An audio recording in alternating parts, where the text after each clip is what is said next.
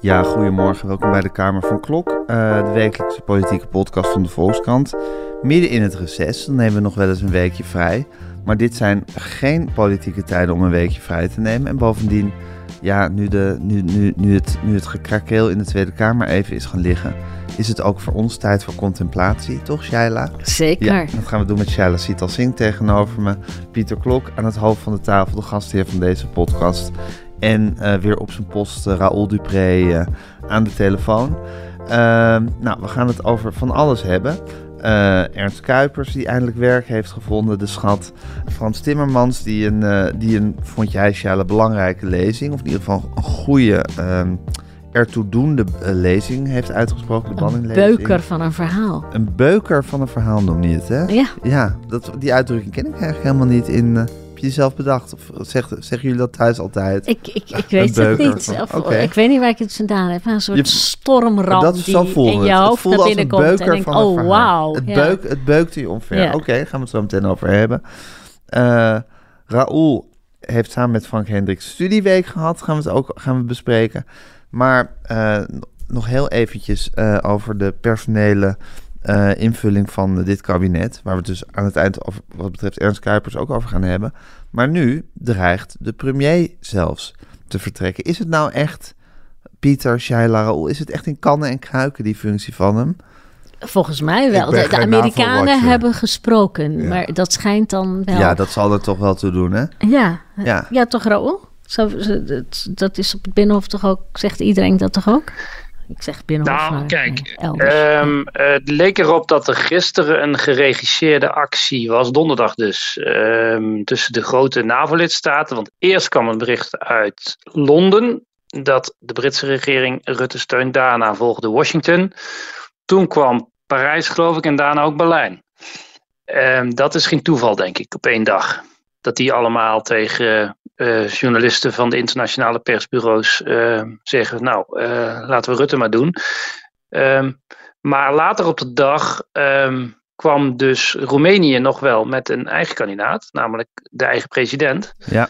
Um, en dat is in zoverre vervelend dat voor Rutte dat alle landen uiteindelijk moeten instemmen met de kandidaat. En ja, Roemenië is in elk geval nu dus nog niet klaar voor Mark Rutte. Want anders hoef je geen eigen kandidaat naar voren te schuiven.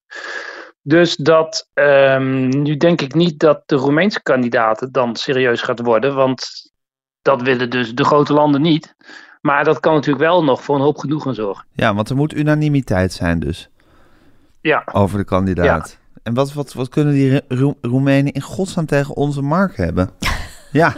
Nou, wat flauw. Jij, uh, die hebben iets tegen de machtsverdeling in uh, de Europese Unie en de NAVO. Ja. Uh, dus er leeft in uh, Oost-Europa het gevoel dat de topfuncties wel erg um, eenzijdig naar het westen gaan.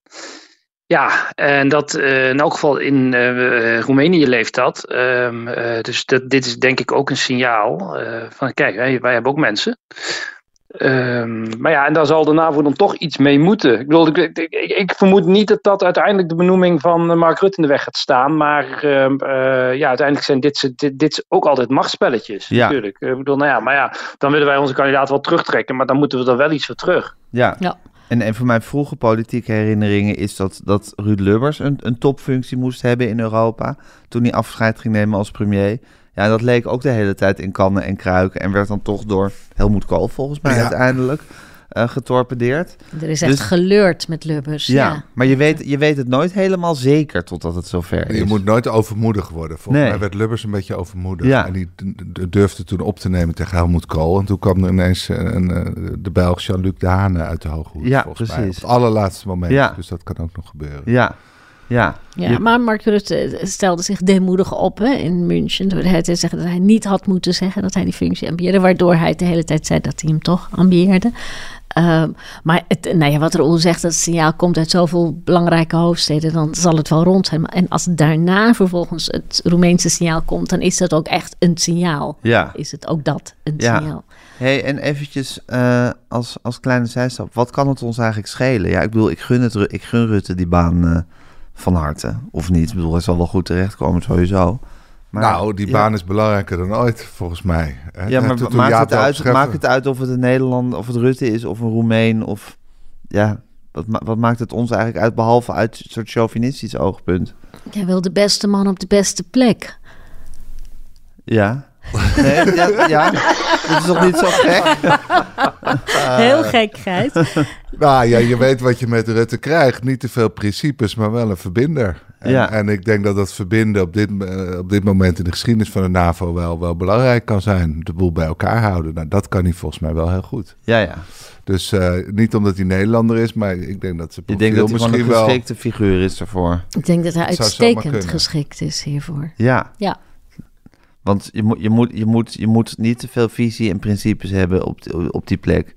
Je nou moet, ja, je moet ehm, he- heel ingewikkelde puzzels, bestuurlijke puzzels kunnen oplossen. En dat Ja. kan eh, Rutte. Je moet ehm, ehm, zorgen dat je heel, heel verschillende mensen met heel verschillende belangen bij elkaar houdt. Dat kan Rutte. Eh, en je moet intrinsiek gemotiveerd zijn om de veiligheid van het westerse blok eh, te willen verdedigen. En dat is Rutte, zeker sinds de MH17. ja. Het is wel altijd een soort intrinsieke motivatie geweest in al zijn handelen sindsdien. Ehm, dus ja, nee, ik denk het is een prima figuur. Hij is eigenlijk veel geschikter voor die functie dan als premier van Nederland. Nog. Meen ik serieus, zeg ik zonder, eh, zonder ironie. Dat, dat, dat, dat, dat zou misschien kunnen. Daar Ja. moet ik nog even over nadenken. Nou, Ja. ik denk dat hij een helderder doel heeft. Eenduidiger doel. Gewoon vechten voor de vrije wereld. Ja, precies. Maar ik heb het idee dat, dat zal maar zeggen, zijn, zijn, zijn gevoel voor rechtvaardigheid en moraal me een beetje in de steek liet, zal maar zeggen, bij allerlei dossiers als Groningen en die toestand. Ik bedoel dat je denkt van ja, hij is alleen maar bezig om verbonden te sluiten en te overleven, zonder dat hij zich nog echt druk maakt om de grote zaak. Nou, zou ik maar zeggen, de wereldvrede lijkt me iets waar, die wel, waar je hem wel wakker voor kan maken. Ja, en dat is en dan kan hij daar misschien als wel een diplomatieke gaaf... Ja. Ja. precies, wat Ja. eenduidiger. Maar Raoul kent hem nog beter. Ja, Raoul. Nee, ehm, kijk, eh, Rutte is zeker in zijn laatste jaren natuurlijk best een politiek omstreden man geworden. Mhm. Maar er is echt één onomstreden kwaliteit die in de hele Tweede Kamer van de PVV tot aan eh, Denk en GroenLinks eh, wordt geprezen. En dat is inderdaad de boel bij elkaar kunnen houden. Ja, En, en, en met iedereen eh, uiteindelijk eh, om tafel kunnen. Dus eh, ook met Benjamin Netanyahu ehm, en met Donald Trump. ja. Ehm, het maakt Mark Rutte werkelijk niet uit wie er tegenover hem zit. Hij gaat altijd proberen om in gesprek te blijven, comfort te bieden.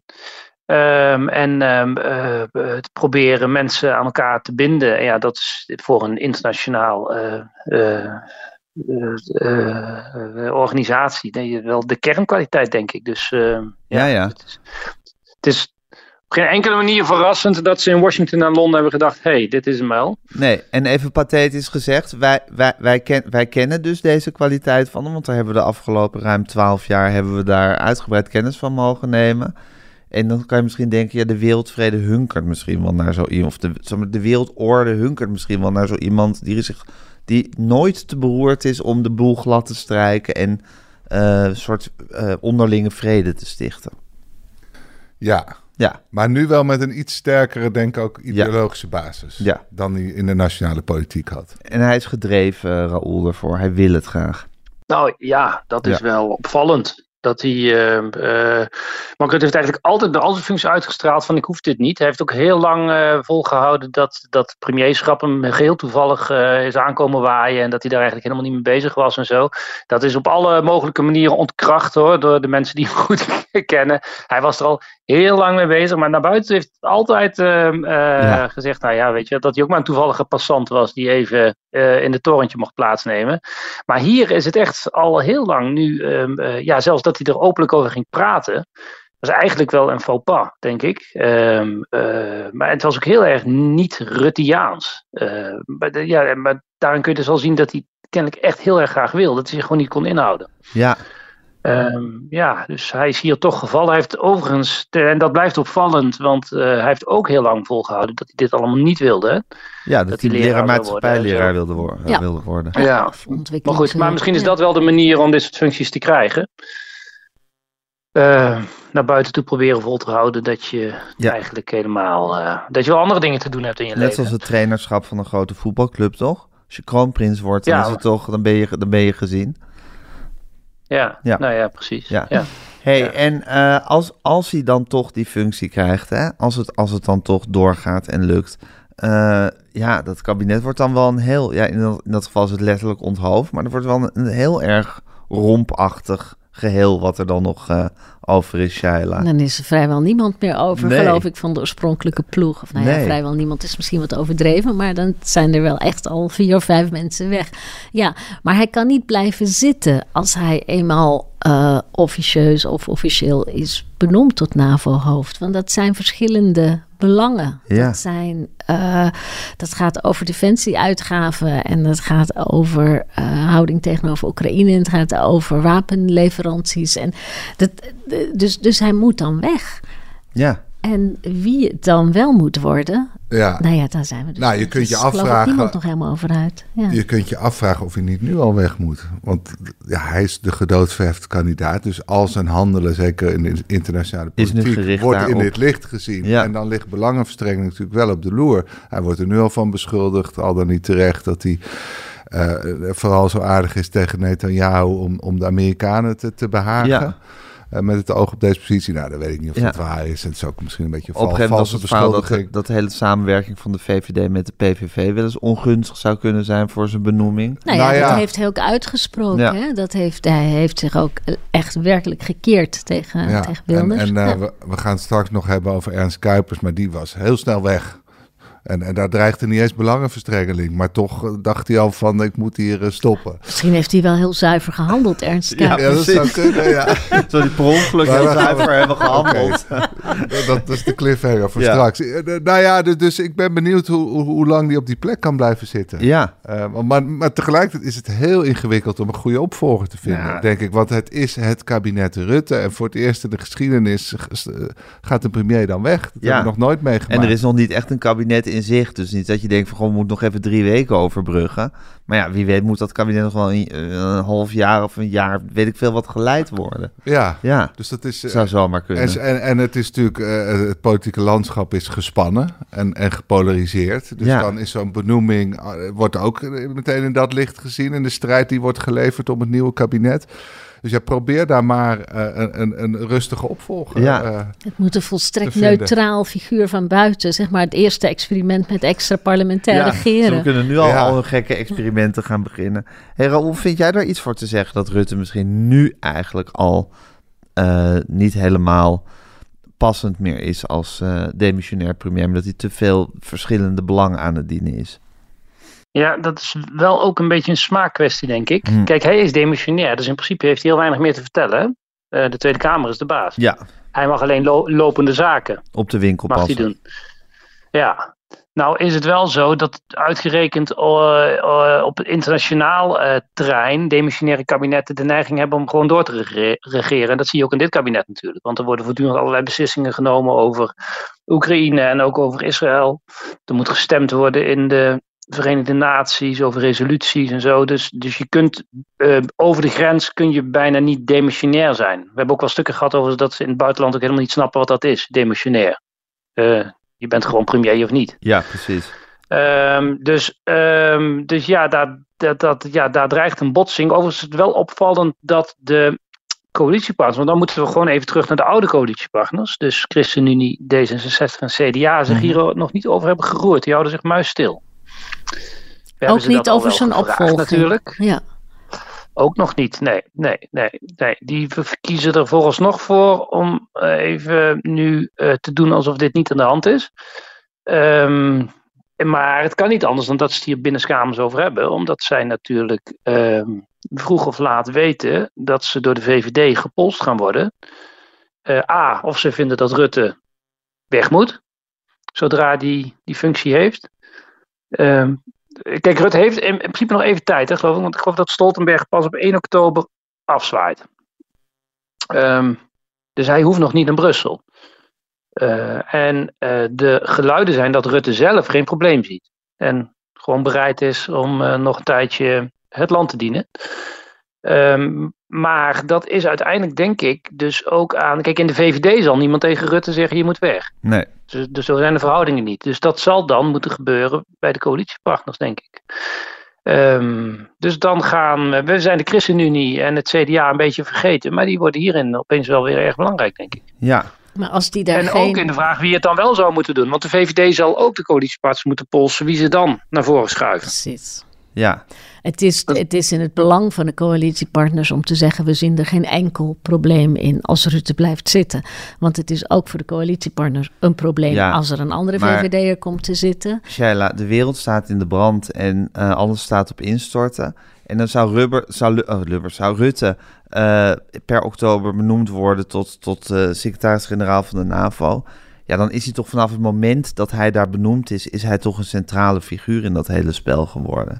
Ongetwijfeld. Bedoel, en dan, dan moet hij toch, ik bedoel, zoals hij nu ook al af en toe bij Netanyahu langs gaat en weet ik veel wat, dan moet hij toch ook gewoon een soort beschikbaar zijn en af en toe een reisje maken en zijn secretaresse beter Ja, leren kennen. maar, maar hier, is de wat. grote vraag: wat is ongewenster? De, die belangenverstrengeling of mogelijke belangenverstrengeling die je hebt, of op zoek naar een nieuwe eh, premier? Eh, en, en ik denk dat beide scenario's heel ongewenst Ja. zijn voor de En- coalitiepartijen. Dus en- ja, Ja, maar los Ja, van en wat die- belangenverstrengeling, en wat denk die ik ook gewoon verstrengeling- je tijdsindeling.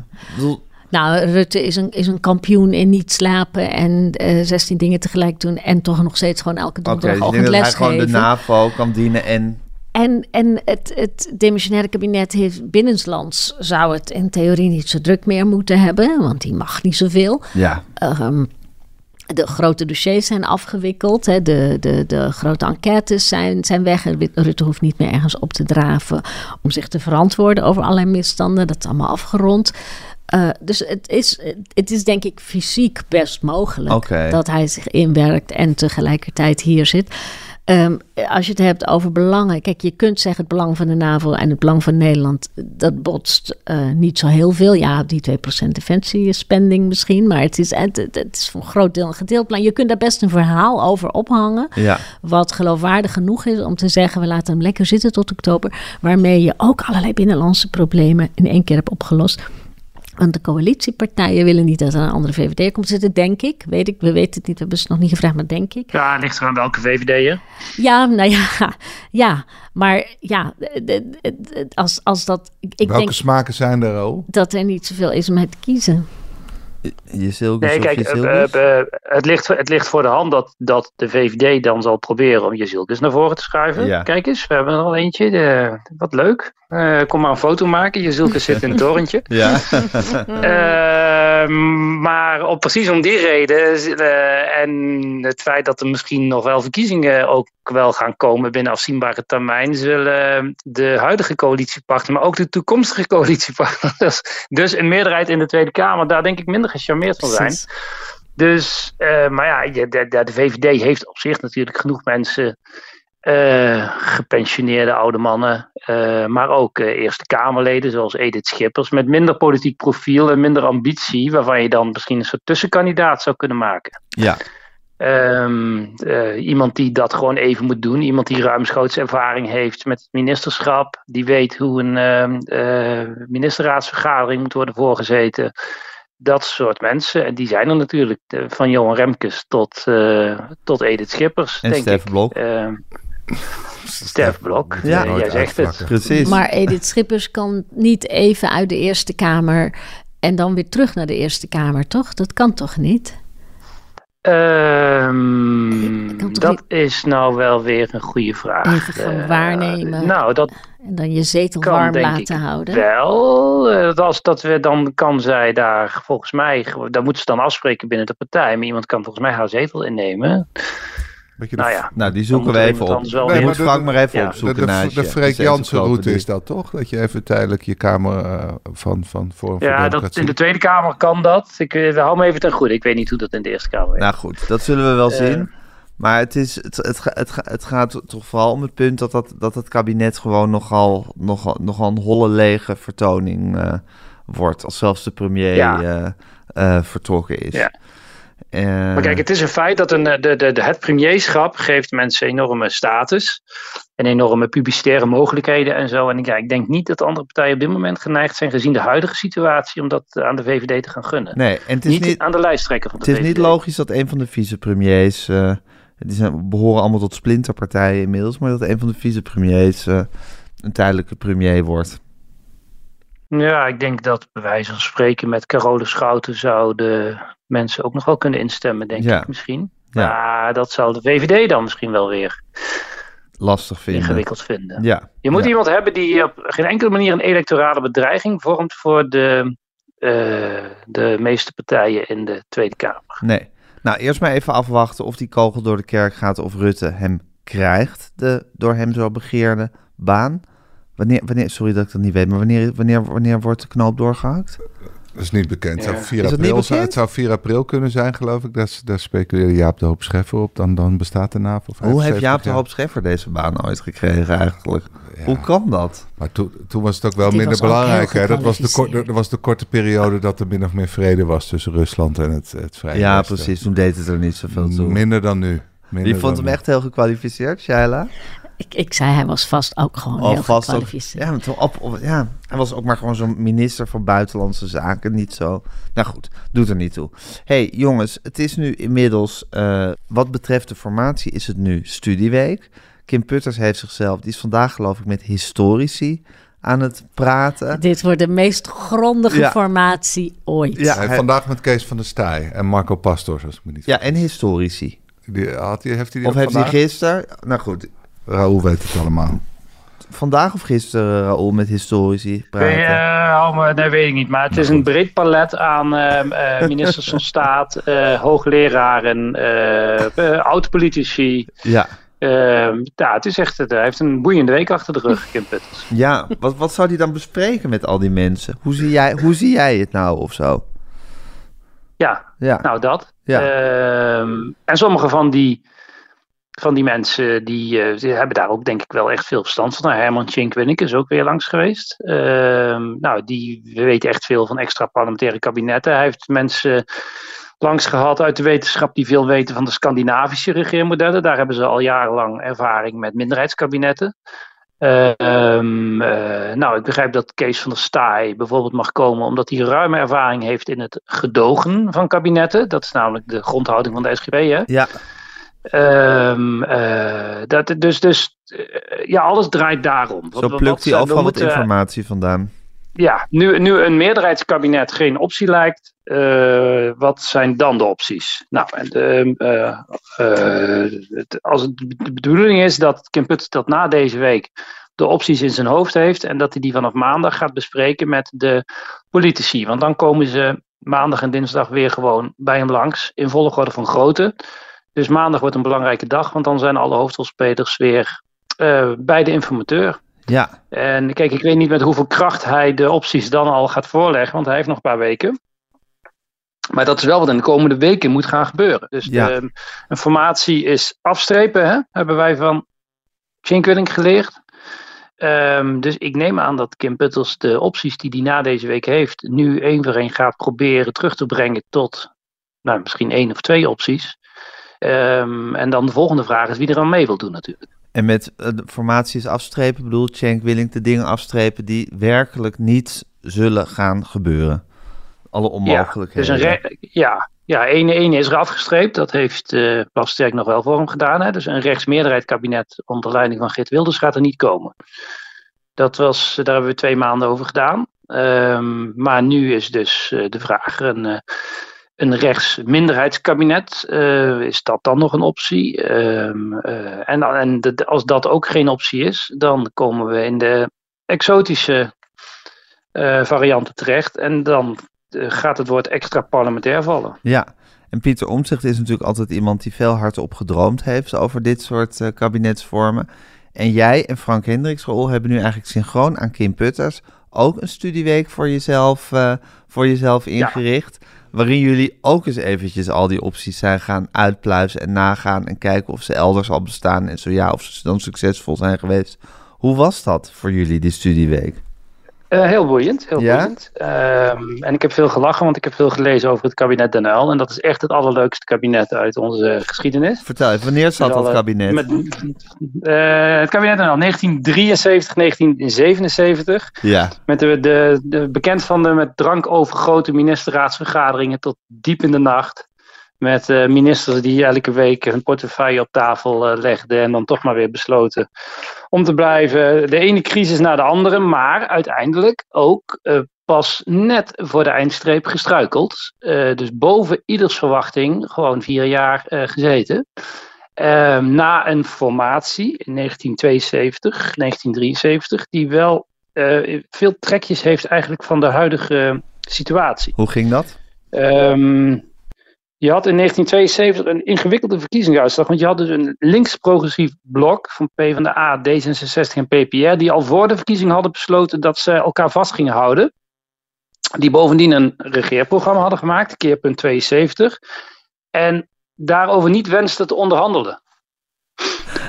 Uh, goed. Dus, uh, dat, Heel goed, uh, zegt Shaila. Ja. Heerlijk democratisch. ja. ja.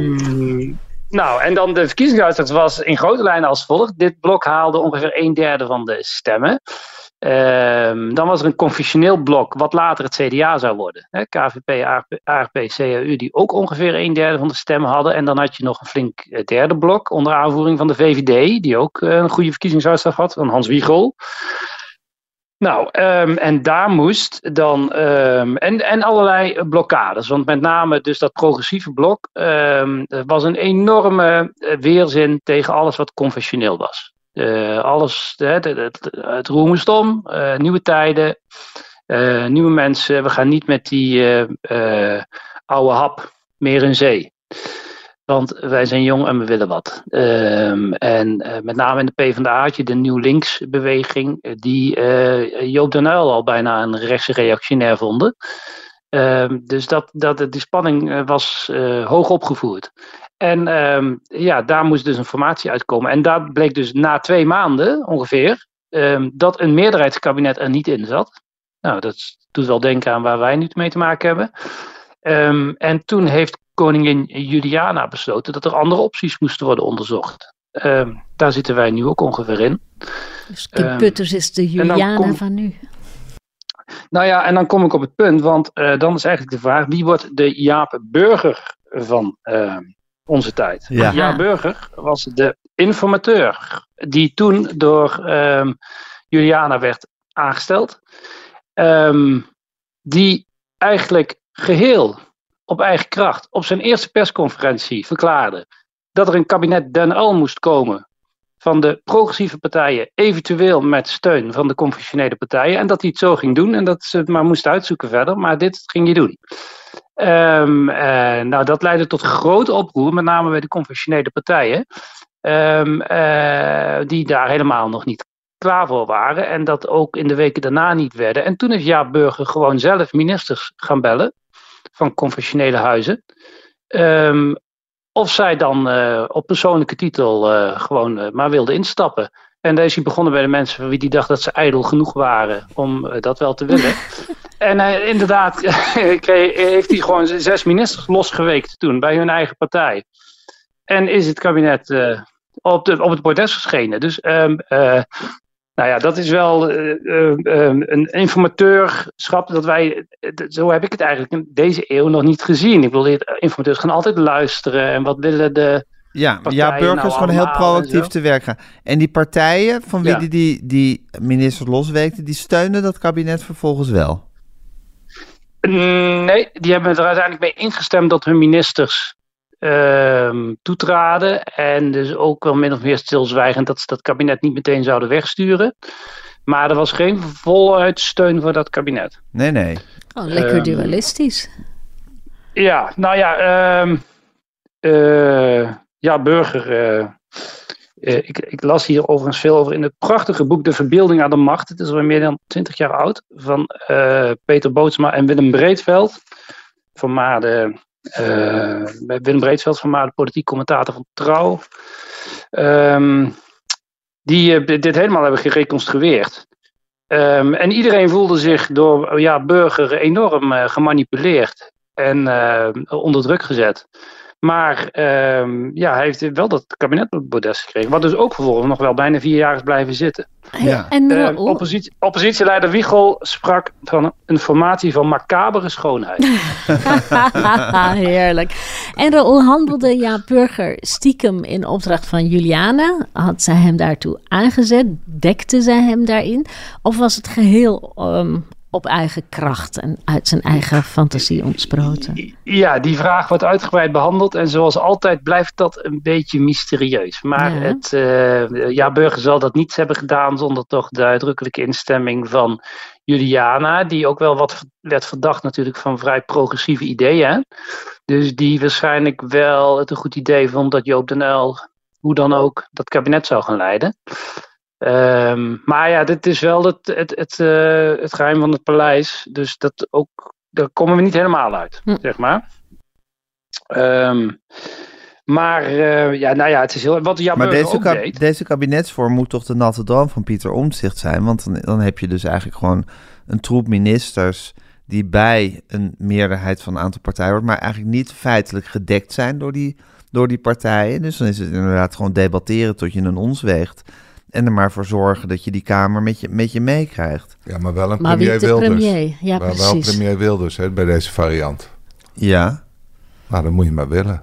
Ja, dat, ja maar even qua, qua staatsvorm, zou ik maar zeggen. Even los van de Nou, precieze is- personele invulling. Wat- Als ik om zich goed begrijp, wil hij een extra parlementair kabinet wat nog veel losser staat. Hè, waarbij bij wijze van spreken elke partij een minister levert. Dat is zijn fantasie. Eh, En Ja. dit is, dit Ja. is, dit is een, toch een beetje een hybride. Ja, oké. Maar, maar Raoul wilde nog iets over Ja Burger zeggen. Nou, wat ook zo grappig is, er was nog geen Twitter en zo natuurlijk. Maar ja, Burger besloot dus vanaf zijn eerste dag om eh, in het openbaar te gaan communiceren over de formatie. Dus hij stuurde steeds eh, brieven aan alle betrokken fractievoorzitters. En die stuurde die meteen ook naar de kranten. zodat die daar uitgebreid over konden eh, communiceren. En hij was daar zelf heel tevreden over. Hij zei, hij zei zelfs, de formatie is tenslotte gelukt door de pers. De pers bleef steeds maar druk uitoefenen. Alleen omdat ze van mij overtuigende brieven kregen. Ja, En van al die anderen alleen, alleen maar domme opmerkingen. ja, Heerlijke man, ja, Burger. geweldig. Wat, wat is er Leeft hij nog? Nee, natuurlijk Nee, niet. volgens mij niet hoor. Nee, dat is echt. Hij was toen al een oude man. Dus Ja. eh, De Johan Eh. Remkes van zijn tijd. Hij is in 1986 overleden, Shaila. Oh. Ja. oh ja.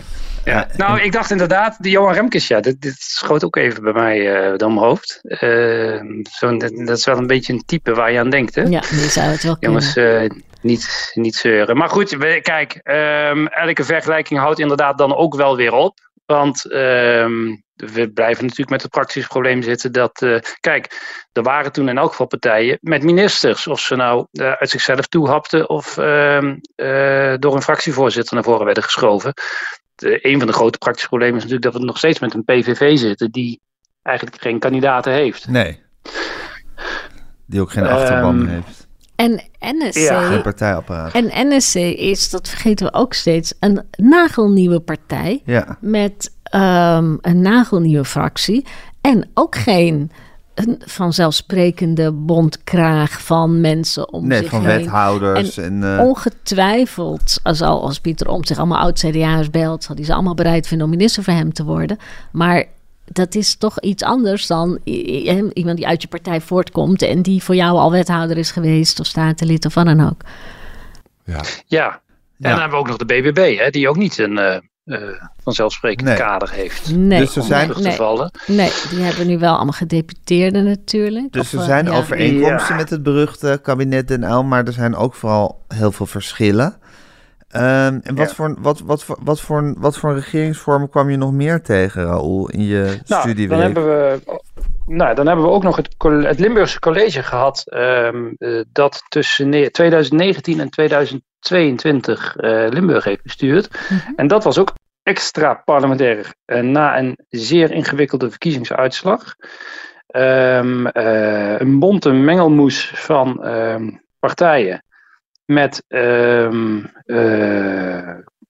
gedeputeerden van de VVD tot aan GroenLinks, maar ook Forum voor Democratie. Die in twee colleges overigens, want het eerste viel en daarna kwam er nog één ehm, eh, de, de provincie hebben bestuurd. ehm, met wisselend succes. Het mooie is dat deze, eh, dit experiment helemaal is onderzocht door ehm, wetenschappers van de Universiteit Tilburg. heel uitgebreid documenten liggen daar over Mhm. hoe het beviel. En ja, de conclusie is eigenlijk, nou ja, weet je, het, het grote pre van een extra parlementaire samenwerking is dat je partijen aan tafel kunt krijgen die dat anders nooit zouden doen. Omdat ze gewoon minder afspraken met elkaar hoeven te maken, dus het is makkelijker. Uh, er is meer ruimte voor dualisme, dus de provinciale staten kregen opeens een veel grotere rol dan ze voorheen hadden gehad, omdat ze zich daadwerkelijk overal mee mochten bemoeien. En gehoord voelden. Uh, ja, de, uh, er was in zekere zin iets meer stabiliteit. Want dat waren allerlei problemen in de deelnemende, deelnemende tussen aanhalingstekens partijen. Dat bijvoorbeeld Forum van Democratie kwam toen in die storm terecht rond Thierry Baudet, die toen uit de partij werd gezet en toen toch weer niet. En met al die opstappende uh, partijleden, weet jullie nog? Ja. Maar dat had eigenlijk in Limburg uh, helemaal geen effect op het provinciebestuur toen. Omdat ja, de, de, ze zaten er maar met één been in. Snap je? Dus dat college ging gewoon door. Maar, en dan komt de grote maar, toen het dan uiteindelijk wel misging en er allerlei integriteitsaffaires losbarsten, toen bleek dat college opeens van niemand meer te zijn. En dan gaan alle fracties gewoon achterover zitten. Um, en heb je als bestuurder helemaal niets meer om op terug te vallen. Um, uh, ik zag uh, uh, collega Frank Hendricks heeft er zaterdag een goed stuk over bij ons in de krant. Dat de gouverneur Theo Bovens zegt het is uh, best een aardig experiment, maar je moet als bestuurder wel een goede risicoverzekering nemen. Um, ja. En dat is natuurlijk waar, want uh, we zijn toch gewend dat een minister die in moeilijkheden komt, um, gedekt wordt. Om te beginnen, meestal gedekt wordt, totdat het echt niet meer kan, worden ministers gedekt door hun coalitie. Ja. Uh, nou, we hebben aan mensen als Ivo Opstelten kunnen dat dat best lang kan duren. Uh, totdat het dan echt niet meer gaat. En ja, die, van, die vanzelfsprekendheid valt weg. Want als iemand dan echt in opspraak komt en de publieke opinie keert zich tegen je, dan zijn partijen heel erg geneigd om hun handen van je af te trekken. En uh, te zeggen, ja, zoek het zelf maar uit. Uh, dus dat zijn wel allemaal van die moeilijkheden die op zo'n kabinet afkomen, denk ik. Ja. En wat ook wel grappig is trouwens, want het, het, het, het er was dus afgesproken dat er vrije kwesties zouden zijn. En toen moest er een, een besluit worden genomen over Maastricht-Aken Airport, het vliegveld bij Maastricht. Of dat uh, uh, nog door kon gaan uh, en op welke voet dan. En dat college kwam daar niet helemaal uit. En toen hebben ze gewoon vier opties voorgelegd aan de provinciale staat. Van sluiting tot op de huidige voet doorgaan. En er waren nog twee tussenopties. En provinciale staten reageerden daar woedend op. ja, jullie zijn, het, jullie zijn het provinciebestuur. Ja. Jullie moeten uh, beslissen, beslissen wat er gebeurt. Dus uh, ja, het is wel een vrije kwestie, maar niet voor jullie. Dat was eigenlijk de boodschap. Uh, Hm. dus, dus dat werd iets te los. Dus de, de, nou ja, er werd wel verwacht dat het, dat het bestuur met een voorzet zou komen, op zijn minst. Ja. Ehm, Ja, Nou en ja, wat betreft dat andere punt van je. Het was, jij zei vorige keer toch, Pieter, van ja, waar haal je eigenlijk uit het maatschappelijk veld ministers vandaan die Ja, zich, die zich op zo'n op zo'n eh, in zo'n dus in het open veld willen Ja, gaan dat- begeven. Dat is die Ja, de- risicoverzekering Ja. waar Theo Bovens het over Ja, heeft. Dus bij de Ja. provinciale staten is dat al moeilijk. Maar er is nog één belangrijk verschil. Provinciale staten kunnen nooit vervroegd verkiezingen uitschrijven. Hè, dat, dat, dat, ze moeten gewoon weer vier jaar wachten. Dus er is wel een soort prikkel om dat soort colleges wel overeind te houden. ja, Bij landelijke, eh, in de landelijke politiek kan continu gedreigd worden van eh, ja met dan blazen we verkiezingen. de boel weer op. Dus dat is Trekken nog, een extra, is nog een extra ja. gevaar voor, voor iedereen die daar minister wordt. ja, En Dus dan je ben je daarna alleen- eindeloos demissionair en kan je niet weg. En heb je een leuke baan in Singapore en dan mag je niet weg. Precies. Ja, je hebt er gewoon een extra risico bij. Hè? Je, Ja. je kan een meerderheid van de Kamer tegen je krijgen, maar het kan ook nog zo zijn dat je geen meerderheid tegen je krijgt, want dan ineens weer, zoals laatst gebeurde, hè? Eh, de- toen ineens de VVD eruit wilde stappen. Ja, dan, dan ben je ook je baan kwijt. ja, Moeten we trouwens nog wel even bij stilstaan, hè, bij het uitstappen van de VVD. Wat, wat deze week is gebleken, wat, wat die reden die ze noemden nou eigenlijk waard was. namelijk. Nou ja, dit- Nareizen het ging dus nareizen op nareis, Ja. hè, was het. Dus dat, Ja. dat als je als eh, je asiel krijgt, heb je recht om je familie te Ja. laten overkomen. En als sommige van die familieleden meerderjarig zijn, hebben zij ook recht om weer Duizenden familieleden... duizenden gevallen. Ja, vol- Ja, volgens Jezilgus, beweerd. eh Ja. die, die toen eh, en, en nu nog steeds minister van Duizenden Justitie gevallen was. per jaar. Ja, En dat was de reden dat het uiteindelijk eh, stuk liep, hè? Want, Ja. want zelfs de progressieve partij wilde... Een van de redenen. Een Ja. van de redenen, ja oké. maar dit was wel... Dit, het werd wel heel vaak aangehaald door de VVD zelf, volgens Ja. mij. En dit was ook de reden... Dit was het enige waar volgens mij de andere partijen niet akkoord mee wilden Mhm. gaan. Nou, ja, dat blijkt er dus wel geteld acht, in vijf jaar 880 eh, ehm, ehm, en mensen zijn die, die hebben, eh, hebben een verblijfsvergunning hebben aangevraagd. Daarvan zijn er 350 toegekend. Dus dan heb je het over 70 verblijfsvergunningen per jaar. Dus Ja. het kabinet is, of een belangrijke reden, ik moet mezelf corrigeren, dat het kabinet is gevallen, zijn 70 asielzoekers per jaar Ja. die in Nederland binnenkomen. Nou ja, en, en wat zeg je dat, Anderhalf per week. nou, dat zeg maar dat, dat, dat, dat de- ja, eens te meer blijkt dat, dat de VVD daar volstrekt roekeloos geopereerd heeft. En nu het land in een toch eh, vrij diepe crisis heeft gestort. Voor, voor een zeer minor issue. Ja, Eh, Omdat en waren aan nieuwe verkiezingen, of? Ja, ze dachten ze waren een beetje. Ze hebben het vaak georganiseerd. Ze hebben natuurlijk een beetje door Sigrid Kaag in een vrij progressief kabinet laten duwen. Dus daar wilden ze vanaf. Eh, en ze wilden misschien nog een grotere verkiezingswinst halen. Eh, en ze dachten dat hen dat makkelijk ging lukken. Ja, enorme eh, misrekening. Ja. Wel fatale misrekening. ja, En dat de BBB een grote rechtse juniorpartij van hun zou kunnen worden. ja. Wat denk jij, Shaila, dat ze bezield heeft ditzelfde? Gewoon honger naar meer en denken dat zo te kunnen halen? Nou ja, dat, dat, het was een ongelukkig kabinet, hè? Het laatste Ja. eh, kabinet Rutte. Dus de, die uit, de nooduitgang werd wel al Aantrekkelijker wel, en eh, aantrekkelijker. door meer mensen gezocht. En de BBB was de grootste partij van Nederland toen, bij de Provinciale Statenverkiezingen. Dus het was super aantrekkelijk om dan te denken dan, nou ja, wij winnen altijd, eh, dus wij winnen dan weer. En dan doen we de BBB als junior, grote juniorpartner erbij. En dan kunnen we eindelijk over rechts. Ja, ja, ja.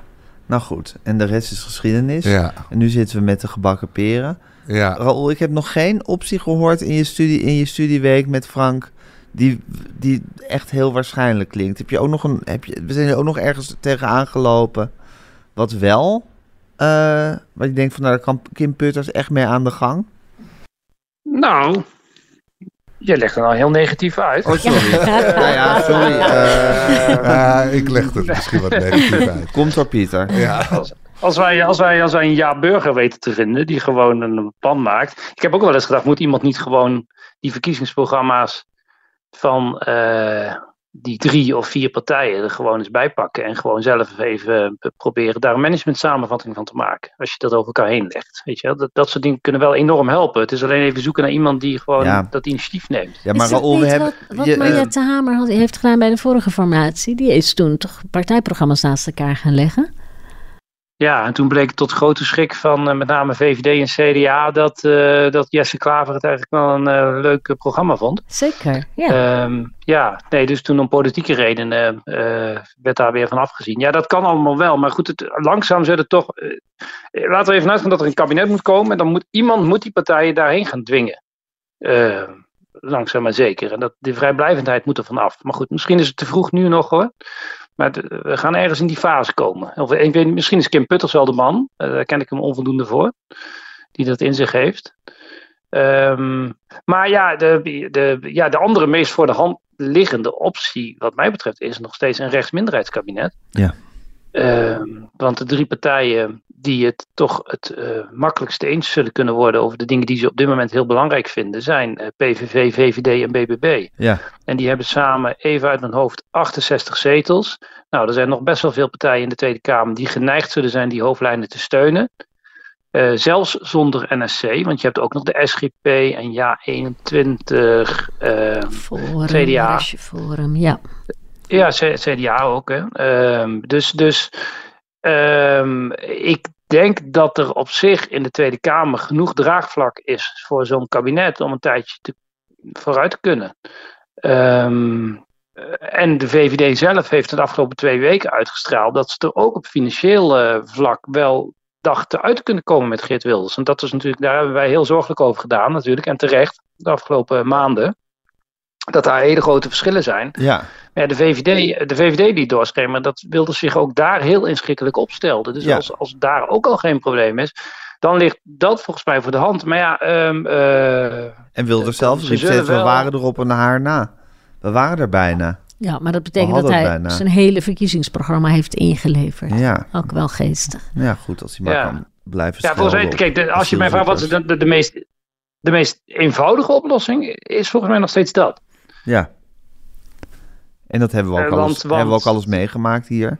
Een minderheidskabinet. Nou, een Ja, gedoogkabinet. met gedoog. Ja, ja, maar dan was de PVV wel een soort van geïsoleerd. En het cruciale verschil zal zijn dat twee partijen, BBB en VVD, voor de BBB is het misschien niet zo belangrijk, maar voor de VVD denk ik wel, zich wel volledig verbinden aan de PVV. Volledig omarmen als zijnde een gewone partij. En Ja. dat was in dat eerste gedoogkabinet was er nog een hele verklaring nodig om te zeggen, Ja. nee, het is geen gewone partij. En we zijn alleen Nee, maar nu zou we- NSC zou die we gedogen. voor afschuwen. Dus dan zou inderdaad VVD, BBB en Ja, maar dan verbindt de VVD, dat, gaat de VVD wel de Rubicon over hoor. In, Ja, maar Ja. daar zijn ze toch Nee, eigenlijk al over? nee, nee, nee, Nee? nee, nee, nee, omdat ze toch steeds hebben gezegd nee, toch gedogen. Nee, oké, we zitten wel aan tafel, maar ik denk dat dat ook intern in de partij ehm, niet zonder slag of stoot zou gaan. Ja, maar ik denk ook dat ze denken... de andere optie is iets met de Partij van de Arbeid. En dat, dat is al helemaal iets Ja, nee, absoluut. Al, alle andere opties mensen. zijn ook allemaal verschrikkelijk. Maar eh, we moeten wel even noteren dat de VVD dan wel echt de Rubicon overzwemt. En dat dat ook intern binnen de Kamers niet onopgemerkt zal blijven. Nee. En toch voel je dat het die kant op beweegt. Tenminste, weet je niet. Pieter, wat denk jij? Ja, ik ben heel somber. In het algemeen? Of... Nou, dat je, hier, dat je hier ooit uit gaat komen. Kijk, eh, eh, ik, had het alweer verdrongen of, of ik was het alweer vergeten dat, dat in 2021, en toen was het al inmiddels september, hè, dus dat is ook zo'n beetje een half jaar na de verkiezingen, hadden ze ook nog steeds geen kabinet. En, en dat kwam toen vooral omdat eh, D66 wilde heel graag met PvdA GroenLinks en CDA VVD wilde heel graag met de ChristenUnie met Mhm. dezelfde, in dezelfde samenstelling door. En daar kwamen ze niet uit. Dus toen kreeg de, de, volgens mij de informateur toen nog Remkes kreeg de opdracht om te onderzoeken of een minderheidskabinet mogelijk was of anders een extra parlementair kabinet. Nou, Remkes was Remkes eigen. Die heeft dat een maand een serieuze kan- kans gegeven. En toen dacht hij af, ja, beide opties, eh, er wordt ook helemaal niks. En dat waren natuurlijk ja, nog heel andere partijen dan waar we nu mee te maken hebben. Toch veel meer bestuurderspartijen. Dus Ja. het lukte hen al niet. Ja. En toen, eind september, zei Sigrid Kaag... nou ja, oké, eh, dan ben ik wel bereid om eh, met ChristenUnie toch verder te gaan... mits het een heel progressief kabinet wordt. Nou, Ja. Dat is het geworden. Uh, althans, zeker als je naar de samenstelling kijkt. Maar daar zie je ook al aan, ik, die extra parlementaire eh, en, en minderheidsopties, ja, daar moet je even doorheen. Die moet je ook nog even afwachten. Maar het, lukt, het lukte dus toen al niet Nee. met, met bestuurderspartijen. Dus waarom Gewone zou het in partijen. deze, in deze constellatie lukt het natuurlijk helemaal niet. Met een PVV die de grootste is, met een BBB die, die, die net bestaat en amper bewindslieden heeft. Dus ja, ik zie gewoon helemaal niet dat ze hieruit gaan komen. Dus eh, ja, dat is een treurige constatering op zich. En, en eh, ja, je moet het blijven proberen. En Kim Putters zal vast heel hard zijn best doen om er iets van te maken. Maar ik denk dat het gewoon niet gaat lukken. Ja, zet je geld op nieuwe verkiezingen. Ja, maar ja, en dan? Dan, dan, komt Nee, dat weer. is ook geen oplossing. Maar goed, dat is de, de, de ultieme, eh, de ultieme op mogelijkheid als, als, het, als het formeren niet lukt. Ja, Ja. nou ja, ik heb al pleit, vaker gepleit voor een rol van de koning. Alle, alle, Ja, de koning op de koning. Als de koning weer terug was op het toneel, zou alles opgelost Die dan zijn. gewoon een soort Ja, ja, die man- burger. De monarchie Ja. herstellen. Hoe die dat doet, dat zou echt fantastisch zijn. En anders toch weer Johan Remkes, die op een gegeven moment zegt van ja, nou ja jongens, zo moet het maar. Dus die het niet gaat aan de partijen overlaat wat er moet gebeuren, maar die gewoon zelf zegt. Ja. Een sterke informateur. dat is zegt, toch een beetje de ja-burger optie. Zo gaan we het gewoon Ja, doen. iemand die Punt gewoon het heft in handen neemt. Dus dat kan ook nog. Ja, Maar dan weet ik niet welke optie dan het meest eh, kansrijk is. Raoul? Het was overigens toen nog wel een sterk argument hoor, dat die koningin daar nog zat. Want er waren ook verschillende momenten waarop eh, allerlei fractievoorzitters weigerden bij eh, Burger te komen als hij ze uitnodigde. En dan werden ze intern teruggefloten eh, door partijgenoten die zeiden, ja luister die man die zit daar namens het staatshoofd. Eh, dat kun je niet weigeren. Ja, je moet ja, gaan. Ja, Hmm. ja Pieter zit misschien- triomfant. Pieter- Pieter Pieter Pieter haalt echt de hele Je tijd zijn gelijk hier. Pieter moeten zien. Ja. Dat is echt alsof hij een Ben, je, ben je elke keer er op die uitblinkers lunch uitgenodigd? Nee, ja, dan Pieter? wacht ik de hele tijd op. Heb je wel eens een prijs gewonnen? Nee, Nou, geef Pieter een prijs, dan mag je naar die uitblinkers. Dan kan hij zo'n grote held, de koning, een keertje in het echt eh, ontmoeten. Eh, ik, hoor, ik hoor ook wel eens het Deense model, Raoul. Heb jij en Frank daar ook nog naar gekeken? Uh, Denemarken heeft ruime ervaring met minderheidskabinetten. Um, en dat werkte over het algemeen vrij goed. Dan zeggen de politicologen die er verstand van hebben er meteen bij dat de verhoudingen daar echt anders zijn, dat je veel grotere blokken hebt uh, binnen het Deense parlement. Dus dat het veel duidelijker is uh, nou, wie, er regeert en wie er in de oppositie zit. En wij hebben zo'n breed palet van allerlei partijen en partijtjes die vaak maar marginaal van elkaar verschillen. -hmm. Uh, die elkaar zo beconcurreren dat het best lastig is om dat samen te stellen. Um, uh, en, en, en kijk, dat is inderdaad wat ik zeg net. Hè, er is in principe voldoende steun uh, op de rechterflank van de Kamer voor een minderheidskabinet. Tegelijkertijd kun je daarbij zetten hoe groot zal de bereidheid zijn van het CDA, ik benoem hè, een partij in het nauw, om de directe electorale concurrenten uh, vooruit te helpen. Ja. En dat is in de Nederlandse verhouding een probleem. Ja, ja. Snap ik. Uh, ja, ja 21, ik noem maar iets. Dat is nog maar één zeteltje. Maar ja, die, die hopen toch ooit een serieuze concurrent van de VVD te worden. Dus hoe ver, uh, hoe lang zal Joost Eerdmans meegaan? En als het moeilijk wordt, als het even ja. iets, iets uh, als er tegenwind komt, ja, dit, gaat hij dan ook nog de VVD overeind houden? Nee, de, de profileringskansen liggen voor het oprapen. Hè? Hey, en Shaila, even, ja. als we even een klein stapje terug doen. Zijn we nu aan het kijken naar het instorten van ons democratische stelsel zoals wij het hebben ingericht? Of is dit gewoon een ongunstige tijd, een ongunstige uitslag, waardoor we even door zwaar weer moeten? En functioneert het eigenlijk nog naar behoren? Het, uh, het, het, functioneert in die zin dat we hebben gewoon verkiezingen en mensen gaan stemmen. En er zijn een heleboel partijen waar je uit ja. kan kiezen. Dat, fun dat functioneert allemaal. Uh, wat niet functioneert is onze uh, manier van uh, vervolgens daar een logische regerings, uh, of een regering uit te halen. Dat, dat functioneert niet. Dat blijkt te lopen. Iedere keer, dit is niet de eerste formatie die nou ja, uit de rails lijkt te lopen. De vorige formatie, dat moeten we niet vergeten, heeft een jaar geduurd. Ja. Liep ook uh, echt helemaal uit de rails. Um, de, de formatie van Rutte 1 was ook uh, buitengewoon pijnlijke bevalling. Dus het is, het, het ja, is echt Rutte 3 was ook al een recordformatie. Ja, Rutte 3. Ja, Rutte 3 ja. en Rutte 4 waren eigenlijk een beetje hetzelfde kabinetten. En toch hebben beide formaties echt een ellende geduurd. Alleen Rutte 2 was een soort uh, simpele aan de keukentafel. Ja. Aan elkaar getimmerd akkoord. Balken in de vier was ook ongelukkig. Nee, dus om, dat, dat, de manier waarop we dan vervolgens meerderheden gaan smeden.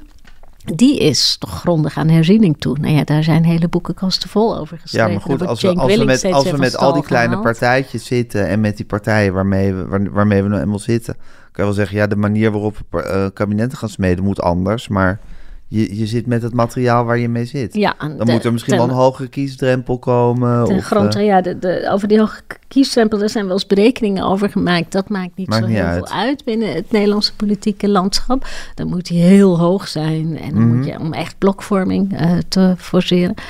Uh, maar daarmee hebben we wel een bruggetje naar de, naar de eerste poging tot blokvorming uh, ter linkerzijde, namelijk uh, GroenLinks. Van Arbeid GroenLinks. PvdA, waar we heel weinig van horen en wat de tweede partij van Nederland is. Ja. En waarvan we de hele tijd ons afvragen. Zijn ze er nog? Hallo, hallo. Ja, ze worden gewoon buiten van? de deur gehouden natuurlijk door het rechtse ja, blok. Ja, maar ze zijn ook, geen optie. Ja, maar ook, waar manifesteren ze zich dan? Nou, deze week gaf ja. Uh, Frans Timmermans een lezing. De Wim Een beuker van een lezing? Ik vond het een beuker van een lezing. Omdat het een uh, volledig verhaal was. Timmermans is, is nooit bang om het ingewikkeld te maken of om het, eh, net, net, iets moeilijker te nee, maken. Hij legt de lat hoog. Hij legt de lat behoorlijk hoog voor de uh, luisteraar en de, en de lezer. Ik heb er lang over gedaan, de lezing te lezen. Uh, maar het is wel een compleet geïntegreerd verhaal. -hmm. Eigenlijk een nieuw verhaal over hoe de nieuwe sociaaldemocratie met die groene component erin eruit moet zien en moet functioneren. En die, die samenwerking die bestaat nu, ja, wat is het, een jaar of zo. En die moet geladen worden. Die moet geladen worden met uh, gemeenschappelijke ervaringen. Die moet geladen worden met uh, gemeenschappelijke prestaties en daden. En die moet geladen worden met, met verhalen en met een, met een soort basisverhaal voor wie zijn we. En dat, dat is die, die banninglezing die uh, Timmermans deze gaf, is daar, nou ja, een, vond ik echt een hele interessante aanzet toe. Hij, hij raakt alles aan, hè? vanaf hoe een autocratie werkt tot hoe een gemeenschap volgens hem zou moeten werken. Hoe je die vervolgens moet invullen met eh, welke thema's er binnen belangrijk zijn. Hoe je daarnaar moet kijken. Hij maakt het ook concreet. Ah, het is, nou ja, je moet het lezen. Het zijn Ja. heel veel woorden. En Pieter heeft het eh, ook het ook gelezen. Pieter ook was ook onder de indruk. Eh, nou ja, ik vond het ook indrukwekkend, want ik, ik kende die hele Willem Banning niet. Eh, tot nu toe, ja, tot mijn schande moet ik bekennen. Want die lezing, die, die lezing die, die bestaat al langer. Maar die, hij probeert een soort... ja, hij probeert verschillende dingen te verenigen. Dus- Dus de, de PvdA gelooft natuurlijk van ouds in een sterke staat. en ze- zeker eh, het klassieke socialisme gelooft daarin. En die Mhm. brengt mensen ook een beetje terug tot radertjes. Maar die Willem Banning eh, eh, bracht eigenlijk een soort synthese tot stand... tussen de so- so- socialistische, socia- sociaal-democratische kijk... en de wat meer christelijke kijk op de samenleving. Dus waar een gemeenschap belangrijk is. En... ja, volgens, dat vond ik interessant. En, en volgens mij kan dat ook een goede basis zijn voor de samenwerking tussen Gro- GroenLinks en de PvdA. Waar GroenLinks van oudsher wat moralistische par- partij is, met, met zelfs religieuze trekjes. En de PvdA natuurlijk van oudsher klassiek sociaal-democratisch. Dus ik vond het eh, in die zin ook wel indrukwekkend. Ik dacht, ja, dit is, je legt nu wel een hele stevige eh, ideologische basis. Ja. En ook over migratiebeleid was hij vrij uitgesproken ook. Dat is natuurlijk voor GroenLinks altijd nog een heel ingewikkeld onderwerp. Omdat daar hun religieuze verlangens om iedereen te helpen Ja. eh, botsen een beetje met De oude PPR. ja, Ja. met, met de praktijk, waar, waar toch heel veel moeilijke wijken in Nederland zuchten onder de, de, de migratie. Dus, maar daar was hij ook wel vrij uitgesproken. Nee, jongens, we moeten dit wel onder ogen zien, dit probleem. We Ja. moeten daar niet voor wegkijken en niet voor makkelijke oplossingen kiezen. Dus ik vond het inderdaad, ik was, was volledig. En hij ging, eh, eh, eh, ja, hete hangijzers en gevoelige punten gaat hij eigenlijk niet uit de weg. Ja. En het zijn hele volle zinnen die hij schrijft. Je moet er wel echt even goed voor gaan zitten. Ja, is dat ja, de, beu, de. Rooms. Ja. Ja, Ja. Meneer Dus, Pastoors eh, staat, spreekt zich uit. Hey, en Shaila, zou het kunnen zijn dat terwijl al die rechtse partijen met elkaar ruzie aan het maken zijn en van alles niet willen en het hele linkse blok überhaupt eh, links laten liggen, ehm, dat, dat, dat zij zich gewoon aan het herbronnen zijn, zoals het, zoals, zoals het ook wel genoemd werd, nou ja, dat, dat is sowieso aan op het verhaal gebeuren. aan het komen zijn? Dat is sowieso aan het gebeuren en letterlijk op verhaal aan het komen Ja. door een nieuw verhaal te creëren of, of, of, of door het verhaal over wie ze zijn uit te diepen. Ehm, en ik- het is de tweede partij van het land, hè? Ehm, als, als, als deze formatie totaal eh, knalt, is het wel een partij waarnaar gekeken wordt. Het, Ja. het is gewoon relevant. Ze representeren heel veel mensen. Ehm, dus het is eh, denk ik van het grootste belang dat ze dit verhaal verder helemaal uitdiepen. En het is ongelooflijk interessant. Ja, ja. Nou goed. Het eh, kan natuurlijk ook, eh, want we hebben in het verleden wel eens geconcludeerd dat Wilders alleen maar kan winnen. Maar er kan op een gegeven moment weer een soort verlangen naar, gematigd, ge- verlangen naar gematigdheid ontstaan. Tuurlijk.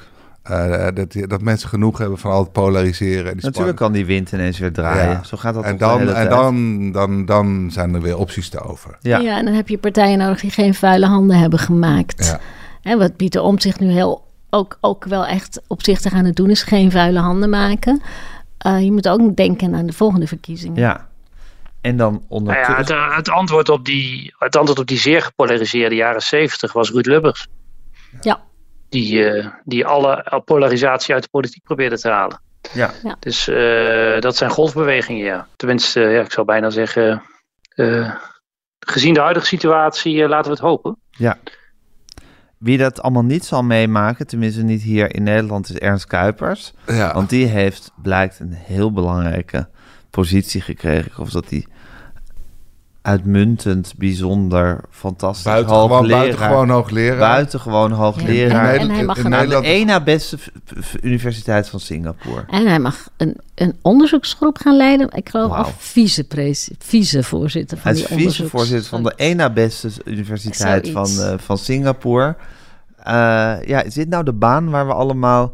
Ja, het is, het is allemaal niet zo heel belangrijk, maar goed, het is eventjes, eventjes voor zijn persoonlijke beweging. Is dit nou de baan die we hadden verwacht? Nou, eh? nee, het bevestigt gewoon helemaal het beeld dat hij voor Ja. zichzelf kiest. En wij hebben al eerder geconstateerd dat als je minister wordt, dat je misschien het landsbelang op de eerste plaats moet, moet zetten. Daar Ja. kies je voor. Op het moment dat je minister wordt, landsbelang. Ja, En daarna pas je persoonlijk belang. Nou ja, dit is een persoonlijk belang. Want Ja. voor hem is de cirkel rond. Want zijn carri- zijn carrière ook be- eh, begonnen als onderzoeker. En nu wordt hij dan hoofd van de onderzoeksafdeling. Dus het is allemaal Ernst Kuipers voor en na. Dus hij bevestigt gewoon dat Ernst Kuipers centraal staat in Ja. het wereldbeeld van Ernst Kuipers. En dit is natuurlijk gewoon een heel En- goed betaalde ook. baan... waar hij nog eventjes de laatste jaren voor zijn pensioen... Heel prestigieus. eh, alles kan binnenslepen. Dat is heel leuk hoor. Zuidoost-Azië. Hartstikke Zuidoosten leuk. wordt Ja. heel goed betaald. Hè? Ze, ze betalen hun, hun, hun politici als CEO's. Die staan er ook op een heel hoog voetstuk. Ja. Niet te veel democratie.